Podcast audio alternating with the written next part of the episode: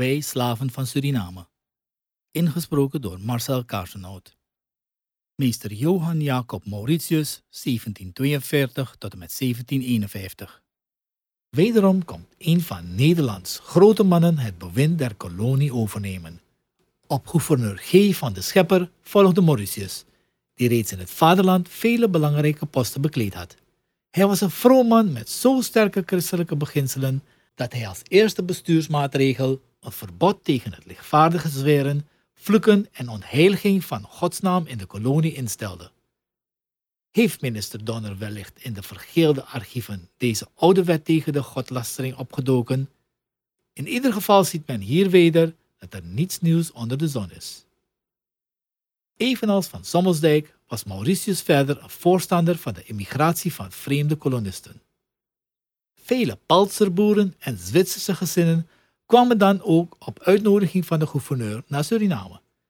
Ze werden door de Hollandse koloniale regering in alles gesteund. Doch hevige ziekten, de aanvallen der Marons en een bandeloos leven richten de meesten hunner te gronden. Verdeel en heers. De voornaamste verdienste van Mauritius bestaat echter hierin dat hij een nieuwe tactiek jegens de Marons doorgevoerd heeft, die op het beroemde beginsel divide et impera berustte. De grondslag hiervan was dat men de opstandelingen een grote slag moest toebrengen en hun dorpen totaal vernielen. Wanneer zij op deze wijze in verwarring gebracht waren, moest men trachten met een deel van hen vrede te sluiten om dan gezamenlijk de andere Marons aan te vallen. Hij wilde voor alles voorkomen dat de verschillende opstandige stammen zich aaneen zouden sluiten. Daarom wilde hij een gedeelte van hen als onafhankelijk en vrij erkennen. Ja, het met allerlei tegemoetkomingen paaien om des te beter en zonder genade de anderen te kunnen vervolgen die buiten de vrede bleven. Ook van Sommelsdijk had reeds op dergelijke wijze een vredesverdrag gesloten met de Indianen en in 1739 sloten de Engelsen op dezelfde grondslag een overeenkomst met een deel der opstandige Jamaicanen. Natuurlijk ondervond Mauritius hierbij tegenkanting van de blanke diehards, de zogenoemde Kabale. Deze waren deels te trots om van een verdrag met de bosnegers zelfs maar te horen gewagen, anderzijds vreesden zij dat men hierdoor de zwakte der blanken zou erkennen en zodoende de opstandelingen prikkelen tot nog meer verzet. Maar Mauritius zette door en trachtte het eerst om vrede te sluiten met de opstandelingen in het westen aan de Saramaka. Adu de Onverzetbare. Reeds geruime tijd had Mauritius getracht een gunstige stemming voor zijn zogeheten conventie onder de Marons te kweken. Met de typische slimheid van een geboren heerser wist hij hierbij een der zonen van ons land zelfs als instrument te gebruiken om het vertrouwen der zwarten te winnen.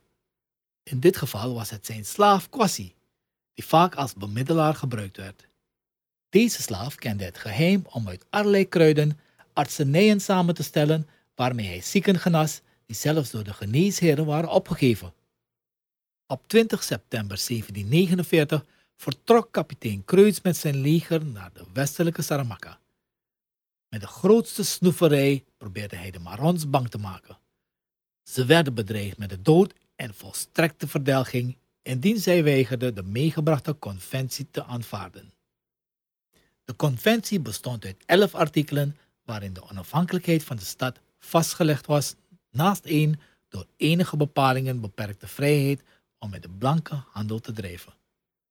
Verder echter moesten de opstandelingen zich van hun kant verbinden om de in 1749 gevluchte slaven uit te leveren, evenals diegenen die zich later bij hen zouden vervoegen, terwijl zij 50 gulden beloning zouden krijgen voor iedere vluchteling die zij aan de blanken zouden overgeven.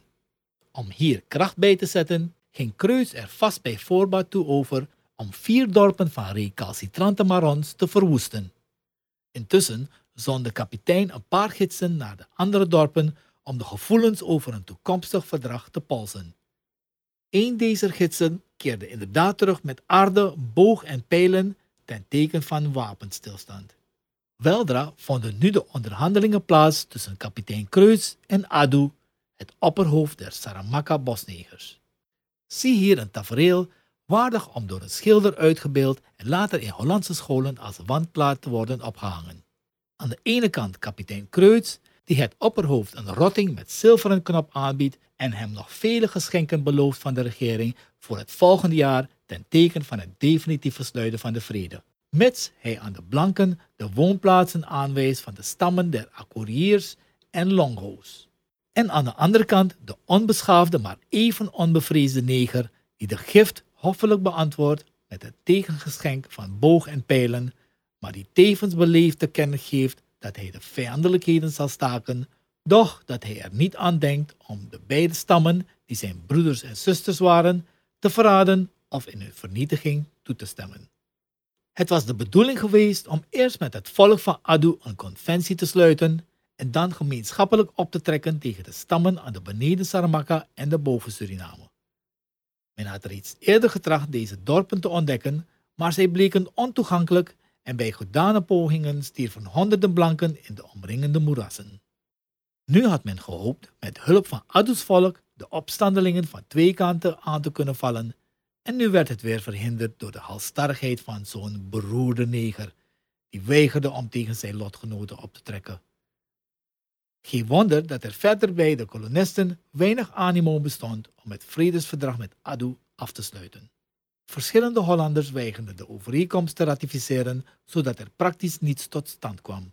Wel werd een klein aantal blanken opgedragen de geschenken aan Adu te overhandigen, doch deze groep werd overvallen, de geschenken geroofd, zodat het opperhoofd Adu, die niets meer van de blanken hoorde, dacht dat men hem slechts met schoonklinkende beloften en mooie woorden trachtte te paaien tot de versterking uit Holland zou zijn aangekomen. Hij achtte zich niet langer door het verdrag gebonden en greep opnieuw naar de wapens. Mauritius als kruisvaarder. Laat ons een ogenblik het bloedig oorlogsterrein verlaten om ons regenschap te geven van de culturele maatregelen welke de gouverneur ondertussen in de kolonie trachtte uit te voeren. Onder Mauritius kwam het plan om met de kerstening der slaven een begin te maken. Hier wrijft wellicht een opmerkzaam lezer zich de ogen uit en vraagt: hoe nu? De slavernij is toch door het christendom slechts verdedigd als een middel om arme heidenen tot de ware leer te bekeren? Kan het dan zijn dat de Hollanders reeds meer dan een eeuw in Suriname woonden, eer zij de zending met kracht ter hand namen? Wat zullen wij antwoorden? De Hollanders zijn nu eenmaal geen Spanjaarden, die in overdreven fanatisme aan de onderworpen volkeren niet slechts het lemet van hun zwaarden tonen, maar ook de bovenzijde die het kruis van Christus voorstelt. Hollanders zijn nuchtere kooplieden. Als slaven bidden, gaat er slechts arbeidstijd verloren. Als slaven de Bijbel lezen, gaan zij misschien denken, en denkende slaven worden gevaarlijk. Tot nog toe had de kolonie zich wel bevonden bij een tweetal voorgangers die uitsluitend baden tot de God der blanken voor het heil van de blanke gemeente. Mauritius echter overwoog misschien wel dat het christendom met zijn leer van een zaligheid hiernamaals een uitstekende remedie zijn kon tegen de opstandigheid diergenen die wellicht liever reeds van de zaligheid hier op aarde zouden willen profiteren. Hij verzocht en kreeg ook de toestemming van de hoge heren in Holland om godsdienstonderwijs aan de slaven te geven. Zelfs gaven zij hem de raad om eerst met slaven die het eigendom van de geoctrooieerde compagnie waren te beginnen. De uitvoering stuitte echter op grote weerstand bij de kolonisten en tenslotte zwichtte ook Mauritius voor het argument dat er te veel geld mee gemoeid was. Men bouwde liever de redoute permanent om aan de vijand het binnenvaren der rivier te beletten. Pas na de afschaffing van de slavernij kan van een actief godsdienstonderwijs aan de negers gesproken worden. Intussen werden de blanken opgeschrikt door de opstand aan de Tempati-kreek, waar de slaven van een houtplantage zich tegen de directeur Bruyère verzetten toen deze hen wilde uitlenen aan zijn buurman, die altijd arbeidskrachten tekort kwam, omdat de slaven onder zijn bestuur als ratten stierven. Bruyère kende de tegenzin van de slaven tegen hun nieuwe meester maar meende dat hij hen gemakkelijk tot deze dienst kon dwingen. Hij alleen was wel in staat, zei hij, om zes slaven tegelijk te binden, in een pont te werpen en over te brengen. Liever echter dan deze krachtproef inderdaad te vertonen, requireerde hij enige stoere Hollandse soldaten van de koloniale regering. Zij verschenen prompt op het appel en ontvingen de nodige touwen om weigerachtige zwaarden desnoods te binden. Het transport van dit werkvee verliep echter niet zo van een leien dakje als men zich dat wel voorgesteld had. Bij deze opstand der slaven werden de snoever Bruyère beide handen afgehouden. Twee soldaten sneuvelden en meer dan 200 slaven sloten zich aan bij de opstandige negers in de bossen. Arabi. Ook in het westen van de Marowijnen en de Yucca-kreek bevonden zich talrijke opstandige dorpen. Ieder dorp had zijn afzonderlijk dorpshoofd. Er was geen sprake van een centrale regering. Algemeen erkende men echter het morele gezag van het opperhoofd Arabi. Deze negers leefden zelf in de volkomen vrijheid, maar vergaten desondanks geen ogenblik het treurig lot van hun broeders en zusters op de plantages en te Paramaribo. Dat de aanvallen van deze opstandige troepen op de blanke nederzetting geen gewone rooftochten waren, mogen dan ook blijken uit het feit dat zij de plantages nooit verlieten zonder een aantal pamfletten uitgestrooid te hebben, welke door zekere Boston in het Engels geschreven waren en waarin met krachtige woorden over de bevrijding der slaven werd gesproken. Ook een scherpe bedreiging werd in deze manifesten uitgesproken jegens blanken die zich aan de gekleurde vergrepen. Voor iedere vermoorde neger beloofden zij drie of vier blanken terecht te stellen. Geleerd door de ervaring besloten de blanken eieren voor hun geld te kiezen, onderhandelingen met Arabi aan te knopen en te trachten hem in een vrede te betrekken. Als gewoonlijk moesten brieven en geschenken de weg hiertoe banen. Vervolgens vonden de onderhandelingen plaats, welke wij voornamelijk vermelden om nogmaals de prachtige woorden neer te kunnen schrijven die door een van onze voorvaders gesproken werden.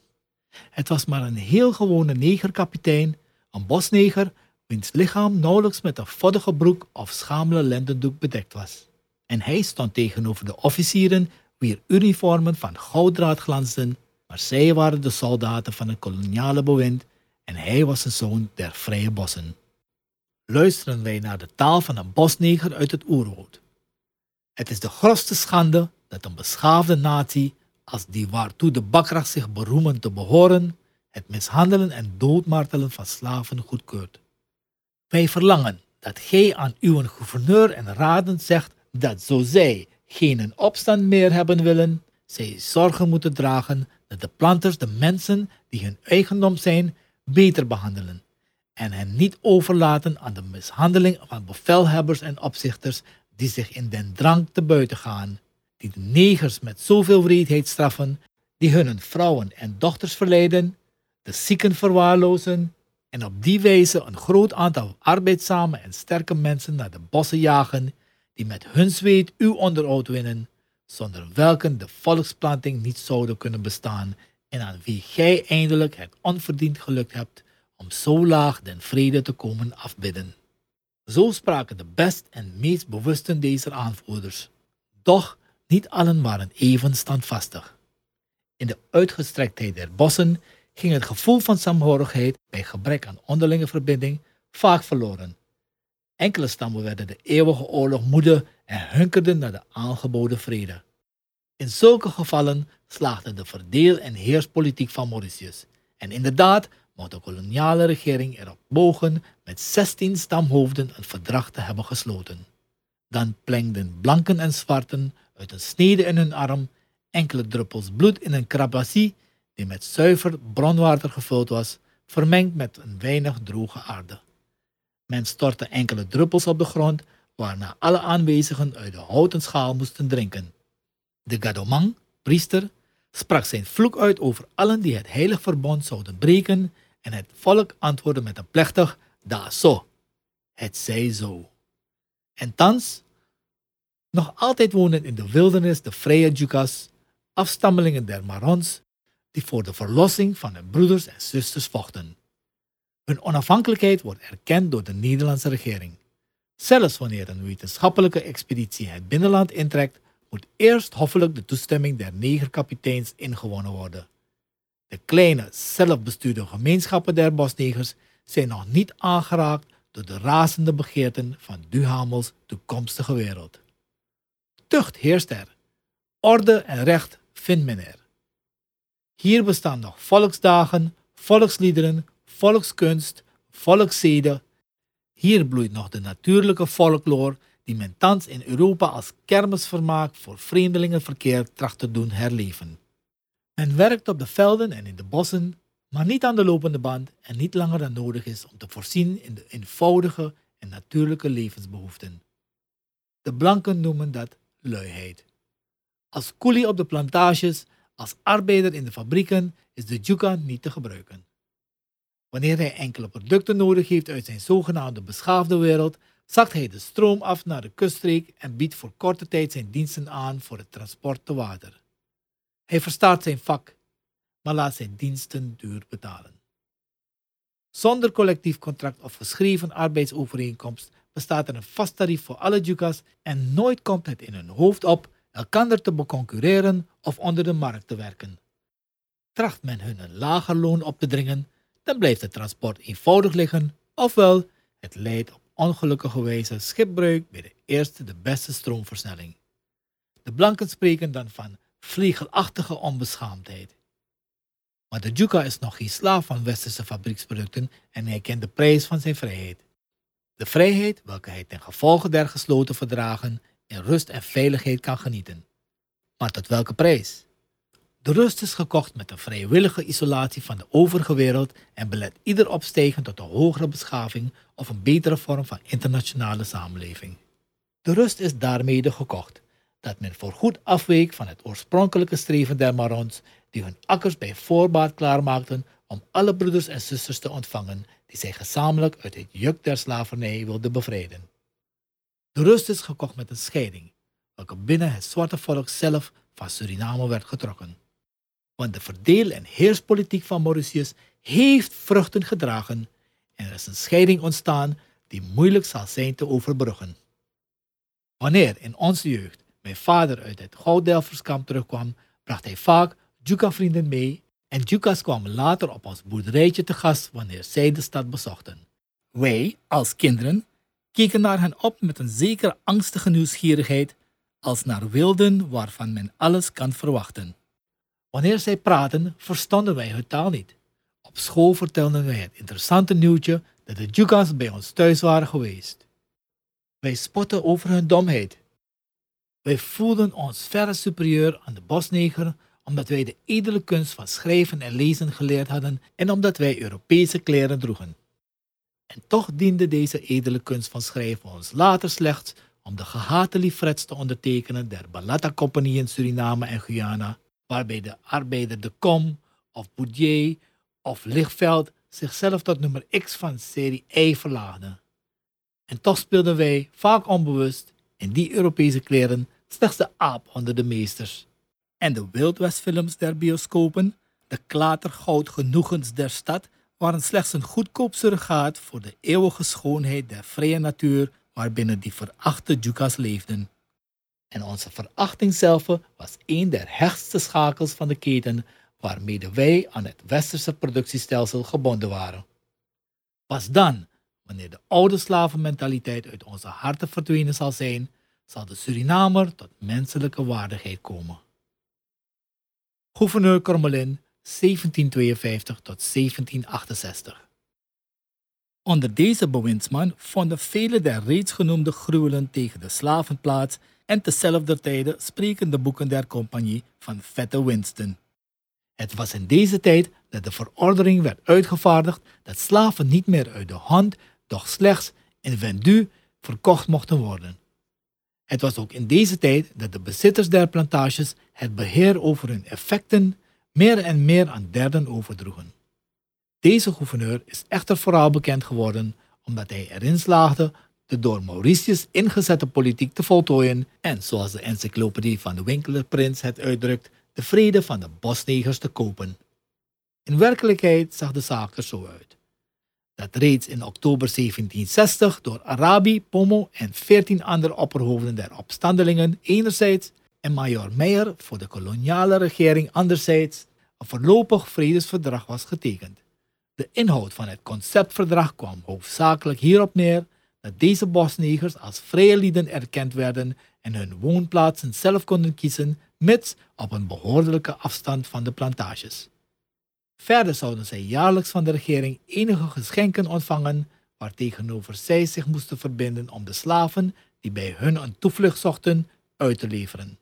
Toen echter de gouverneur in de volle vergadering van het Hof van Politie en Justitie met open deuren verslag uitbracht over de gesloten overeenkomst, moest hij tevens namens deze bosnegers de waarschuwing mededelen dat de negers het eenmaal gegeven woord trouw zouden blijven, maar dat indien de een of andere slaaf bij hen een toevlucht kwam zoeken die daartoe door de wrede mishandelingen van zijn meester werd genoodzaakt, zij deze slaaf nooit zouden uitleveren, omdat zij niet wensten de gemartelde broeder, die na de kwellingen die hij reeds doorstaan had, nogmaals aan de wrede hand der koloniale regering over te geven.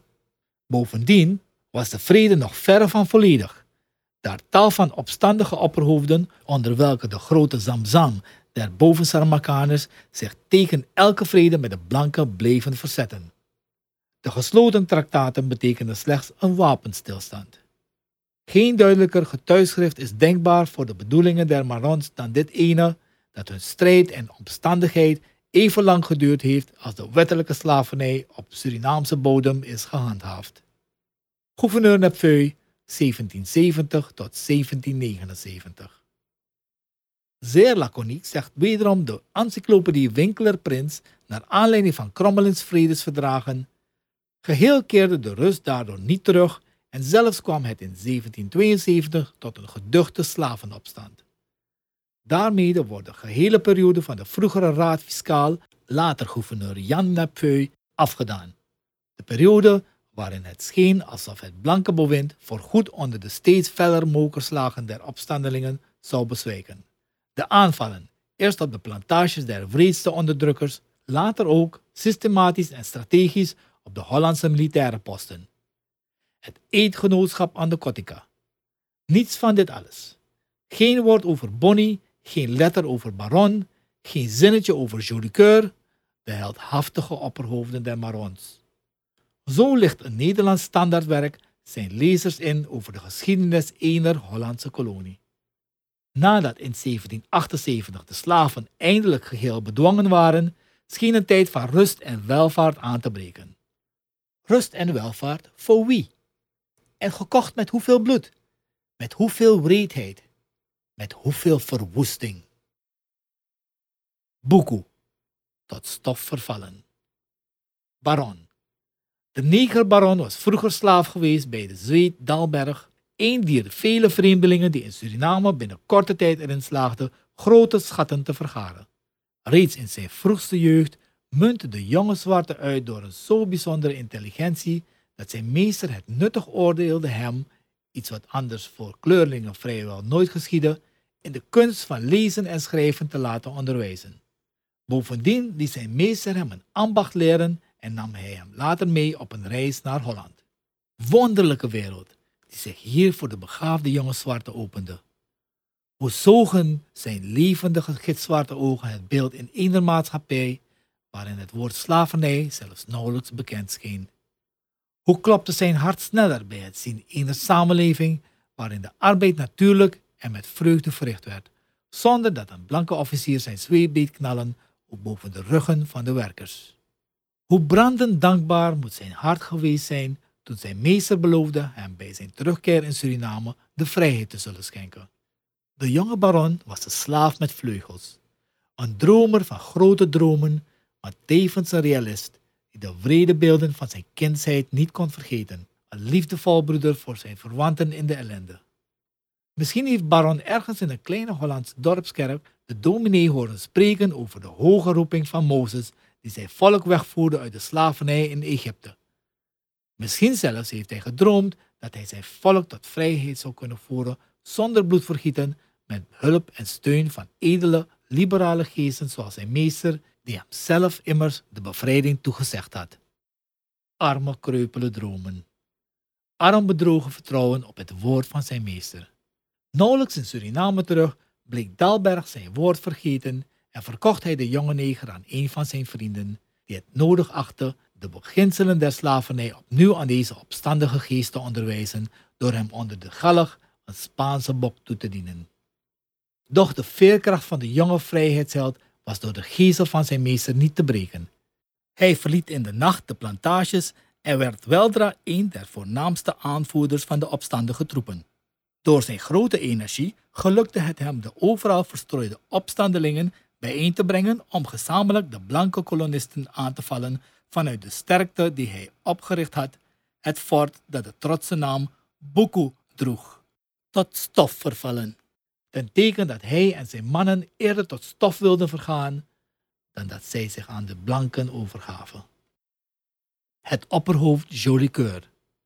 De neger Jolicoeur was vroeger eveneens een slaaf en had het ongeluk op de plantage Rode Bank te worden geboren. De Hollander Schultz regeerde op deze plantage, berucht door de wreedheden jegens zijn slaven en de ruwe zedeloosheid tegenover zijn machteloze slavinnen. De streng Calvinistische gouverneur van Aarsen van Sommelsdijk had weliswaar reeds in 1683 de huwelijken en gemeenschap van blanken met negers verboden, maar de blanken meenden algemeen dat dit verbod zeker geen betrekking kon hebben op de nachten van genot voor welke zij zo nu en dan een hunner slavinnen uitkozen. Het was dan ook ongetwijfeld ongepast en onwettig dat de vader van Jolicoeur zich met hand en tand verzette toen zijn meester op een nacht binnendrong in de slavenwoning om de moeder van Jolicoeur op te eisen voor zijn nachtleger. En men mag evenzeer aannemen dat de koloniale justitie een mild vonnis velde toen zij de neger wegens het gepleegde verzet slechts tot een strenge Spaanse bok heeft veroordeeld. Maar de jonge Jolicoeur, die de strafoefening bij moest wonen, heeft iedere slag gevoeld alsof hij op zijn eigen rug neerkwam. Hij heeft de smaad die zijn moeder aangedaan werd nooit kunnen vergeten. Zijn hele verdere trotse leven is gewijd geweest aan de vergelding van deze daad. Het opperhoofd Bonnie. In zijn aderen vloeide het bloed der blanken. Hij is niet in slavernij geboren. Hij heeft de ketenen der knachtschap nooit gedragen. En niemand dorst in zijn huid het brandmerk zingen van de meester. Hij was opgegroeid in de wildernis en verstond ieder teken der geheimzinnige, zwijgende taal van het oerwoud. In hem verenigde zich de kracht en moed van de jaguar met de slanke vlugheid van onze herten. Maar bovenal was zijn karakter gekenmerkt door diezelfde edele trots die wij terugvinden bij zijn moeder. Zij moet schoon geweest zijn, de jonge slavin die door de meester werd uitverkoren om maandenlang zijn sponden te delen.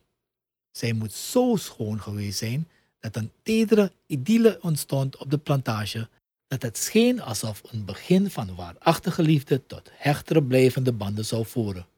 Zij moet echter bovenal dapper geweest zijn. Toen de vogel der liefde zijn nest had verlaten en de warme plek verkoelde in het hart van de blanke meester, toen hij de zweep weer toonde aan de zwarte vrouw die onder haar hart zijn kind droeg, toen heeft zij niet getracht door smeken of vleien de verloren gunst te herwinnen, maar zij heeft de donkere en gevaarlijke weg gezocht naar het oerwoud waar haar bevrijde makkers woonden. Dapper klein vrouwtje. Kaimannen bevolken de rivieren. De jaguar loert tussen de takken. Onder het lage kreupelhout liggen giftige slangen verborgen maar vreder dan de dieren der wildernis zijn de hijgende bloedhonden die de blanke meester op haar spoor zet. Zij verbergt zich. Zij hoort het geblaf der zoekende bloedhonden in de verte. Zij sleept haar zwanger lichaam verder door het verwarde kluwen van boomvarens en lianen. Zij voedt zich met wilde vruchten zonder op de plantage het onderscheid tussen giftige en voedzame planten geleerd te hebben. Zij zet haar naakte voeten op de weinige vaste punten die een modderig pad vormen tussen de dodelijke bedreigingen der moerassen. Zij slaagt erin het verborgen kamp der Marons te vinden en zij baart haar zoon Bonnie in vrijheid. Baron, de bedrogene en mishandelde, Jolicoeur, de gehoonde en getergde, stelde zich in verbinding met Bonnie, de schrik der blanken. Deze opperhoofden wisten onder de opstandige Surinamers tucht en orde in te voeren en een krijgsmacht te vormen die jarenlang opgewassen bleek tegen de goed georganiseerde macht der Hollanders. De gekleurde leiders, geëerbiedigd om hun mannelijke kloekmoedigheid, bemind om hun onomkoopbare rechtvaardigheid, werden overal in Suriname beschouwd als de natuurlijke beschermers der verdrukten. Zelden vond men opperhoofden die zulk een krachtige invloed op hun volgelingen uitoefenden als deze aanvoerders der Marons. Aan een lange proeftijd onderwierpen zij de opstandige slaaf die zijn meester verliet om zich bij hen aan te sluiten. Was deze proeftijd doorstaan, dan werd de opstandeling gewapend en in een der troepen opgenomen. Zo vormden zij dan een uitgelezen leger soldaten. De Open Oorlog. Ten einde de Marons, die steeds gevaarlijker werden, goed te bevechten, werd op voorstel van Nepfeu een krachtig leger tot stand gebracht door de koloniale regering. Men besloot het versterkte hoofdkwartier van de aanvoerder Baron op te sporen en aan te tasten. De legerplaats was zeer sterk en getuigde niet slechts van de ijver en de bekwame werkzaamheid der zwarten, maar ook van Barons natuurlijke strategische aanleg. De vesting was in het midden van een uitgestrekt en grondeloos moeras gelegen. Zwarte palissaden van drie mans hoogte omringden haar, terwijl men kleine kanonnen en draaibussen achter de schietgaten geplaatst had. Het fort droeg de naam Buku, tot stof vervallen, terwijl een trotse gele standaard met zwarte leeuw aan het hoogste punt woei. Twee en meerdere aanvallen werden door de blanken beproefd, maar zij bleven vruchteloos. Het moeras was niet te doorwaden en de palissaden bleken onneembaar. Kanonnen konden de aanvallers daar niet gebruiken en de handgranaten waren nog niet uitgevonden. Zo stonden de Europeanen voor het dorp der opstandelingen met een vrij aanzienlijke krijgsmacht, doch geheel machteloos. Hierop besloot de Hollandse koloniale regering een andere tactiek te volgen en bood een generale amnestie aan voor alle negers die de wapenen neer wilden leggen en zich aan de blanken overgeven. Baron echter spotte met de mooi klinkende woorden der Europeanen. Hij lachte en hij waarschuwde zijn volk niet in te gaan op het voorstel der Hollanders.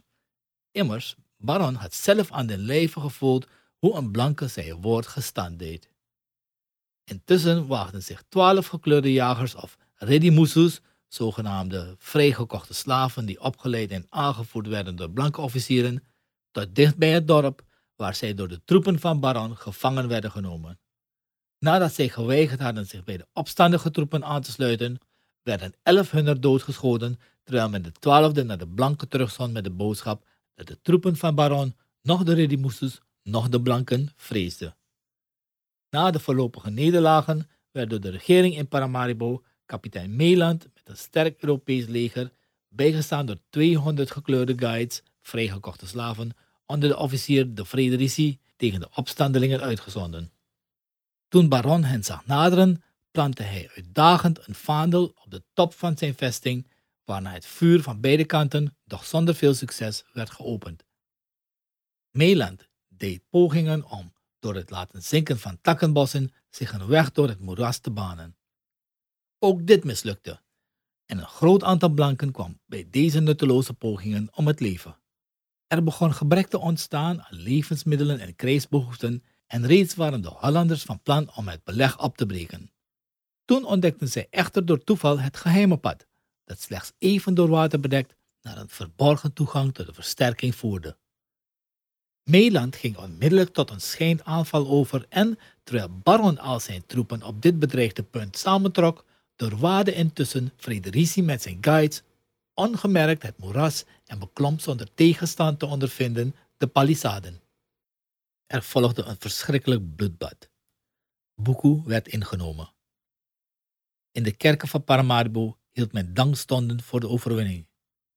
Het leger van Meeland keerde naar de stad terug, in gevangenschap met zich voerend vier mannen, 26 vrouwen, 19 kinderen en de afgehakte handen van negen revolutionairen. Baron en Bonnie echter, aan het bloedbad ontkomen, verzamelden hun verstrooide troepen en bouwden een nieuw kamp tussen de Paramaka en de Kurmotibo. Ditmaal werd de blanke luitenant Leppert met een legertje uitgezonden om het kamp te verwoesten.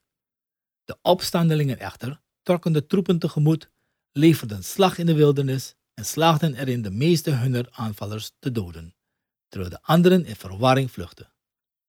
Ook Leppert zelf werd bij deze schermutseling getroffen.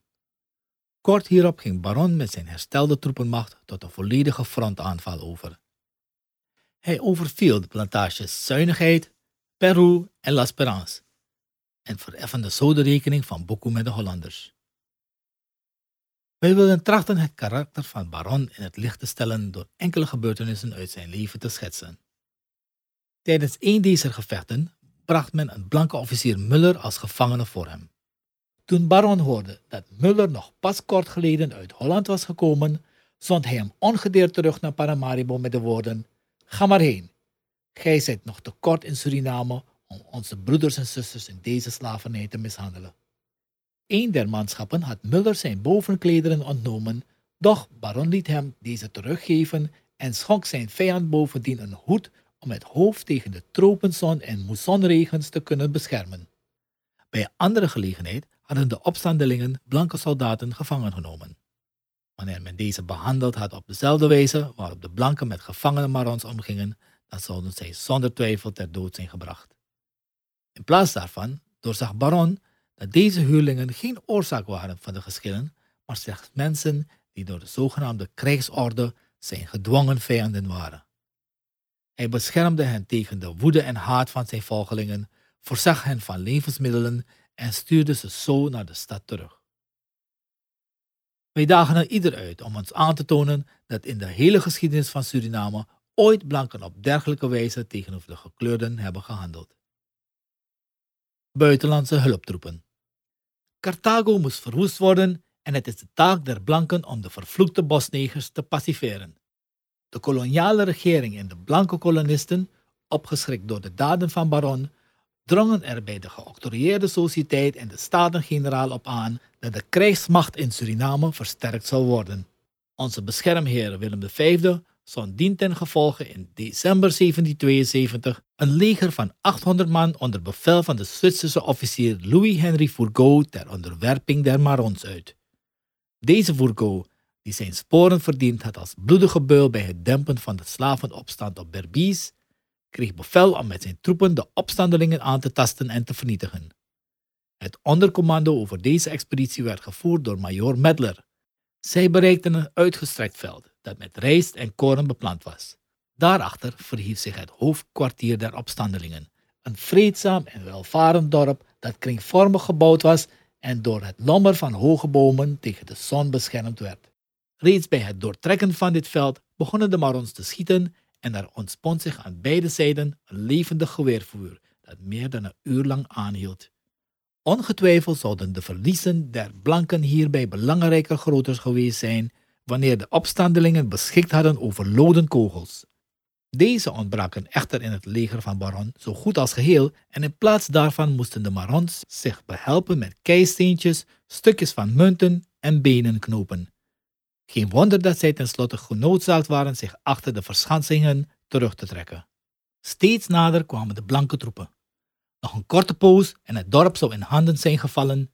Zij zouden wederom vrouwen, nog kinderen hebben gespaard. Dit was het ogenblik waarop een der aanvoerders van de Marons een toorts greep en de eigen gebouwde schuren en hutten van het dorp in brand stak. Achter het scherm van rook en vlammen gelukte het de opstandelingen, al vurende, hun vrouwen en kinderen en de meest noodzakelijke goederen in veiligheid te brengen. Aan de ene kant werden baronstroepen beschermd door de ondoorwaadbare moerassen, aan de andere zijde werden de blanken in hun voortdringen gestuurd door de oplaaiende vlammen. Het scheen alsof de hel was losgebarsten. Het geweervuur, het vloeken en brullen der blanken, de kermende gekwetsten en stervenden mengden zich met de schelle toon der horens, terwijl dikke rookwolken en de as die door de wind werden opgewerveld een overzicht van het gevechtsterrein onmogelijk maakten. En ondertussen waren, terwijl de mannen vochten, de vrouwen en kinderen bezig om grote manden te maken die met rijst, cassaba en yamsi gevuld werden, om zodoende genoeg levensmiddelen voor de komende dagen te hebben. Toen eindelijk tegen de nacht de laatste vlammen begonnen te doven, had Forgo begrepen waarom Baron aan deze sterkte de stoutmoedige naam Kosai, kom op, had gegeven. Hij beproefde niet langer de Marons met geweld uit te roeien, maar trachtte thans onderhandelingen met hen aan te knopen. Op eigen gezag beloofde hij aan de Marons het leven, de vrijheid en volop eten en drinken, indien zij zich gewillig overgaven. Daarop vroegen de opstandelingen, wie zijt gij die dit alles zomaar aan ons kon beloven? Hij antwoordde, ik ben de blanke hoofdman Fourgo. Toen de Marons dit vernomen hadden, antwoordden ze luid lachend, wij hebben niets met u uit te staan, gij uitgehongerde Zwitser, en ook uw meesteresse, de Hollandse regering, achten wij niet. En bovendien, gij wit mensen zijt altijd even gul met beloven, maar gij moet nog steeds bewijzen dat ge ook de kunst verstaat om uw woord te houden. Gij zijt precies als de tijger, die de malse ree beloofd had haar niet op te zullen eten, maar die pas aan zijn belofte dacht toen hij haar had verslonden. Toen Fourgo tegen de morgen de strijd wilde hervatten, was er van de Marons geen spoor meer te vinden. Door uitputting der manschappen en gebrek aan leeftocht was Fourgo tenslotte gedwongen om zich terug te trekken. Kort na de beschreven voorvallen trok een groot aantal Marons met hun opperhoofd Bonnie, baron was vroeger bij een gevecht gesneuveld, over de Marouijnen om zich op Frans gebied te vestigen. Hierdoor verontrust zonden de Fransen de intendant Moulouet naar Suriname. In zeer beleefde termen, doch daarom niet minder ernstig, gaf de Hollandse koloniale regering te kennen dat het revolteren der slaven in Suriname meer dan elders toegeschreven moest worden, ten eerste aan het niet beteugelen veler meesters in het mishandelen hunner slaven. Deze meesters noemde hij de eigenlijke stichters van de binnenlandse wanorde en de regering, die zodanige misbruiken dulden en aan de slaven alle bescherming ontzegde, gaf blijk van een bekrompen inzicht terwijl de veiligheid der kolonie in de waagschaal gesteld werd. Ten tweede aan het gemis van godsdienstig onderwijs voor de slaven.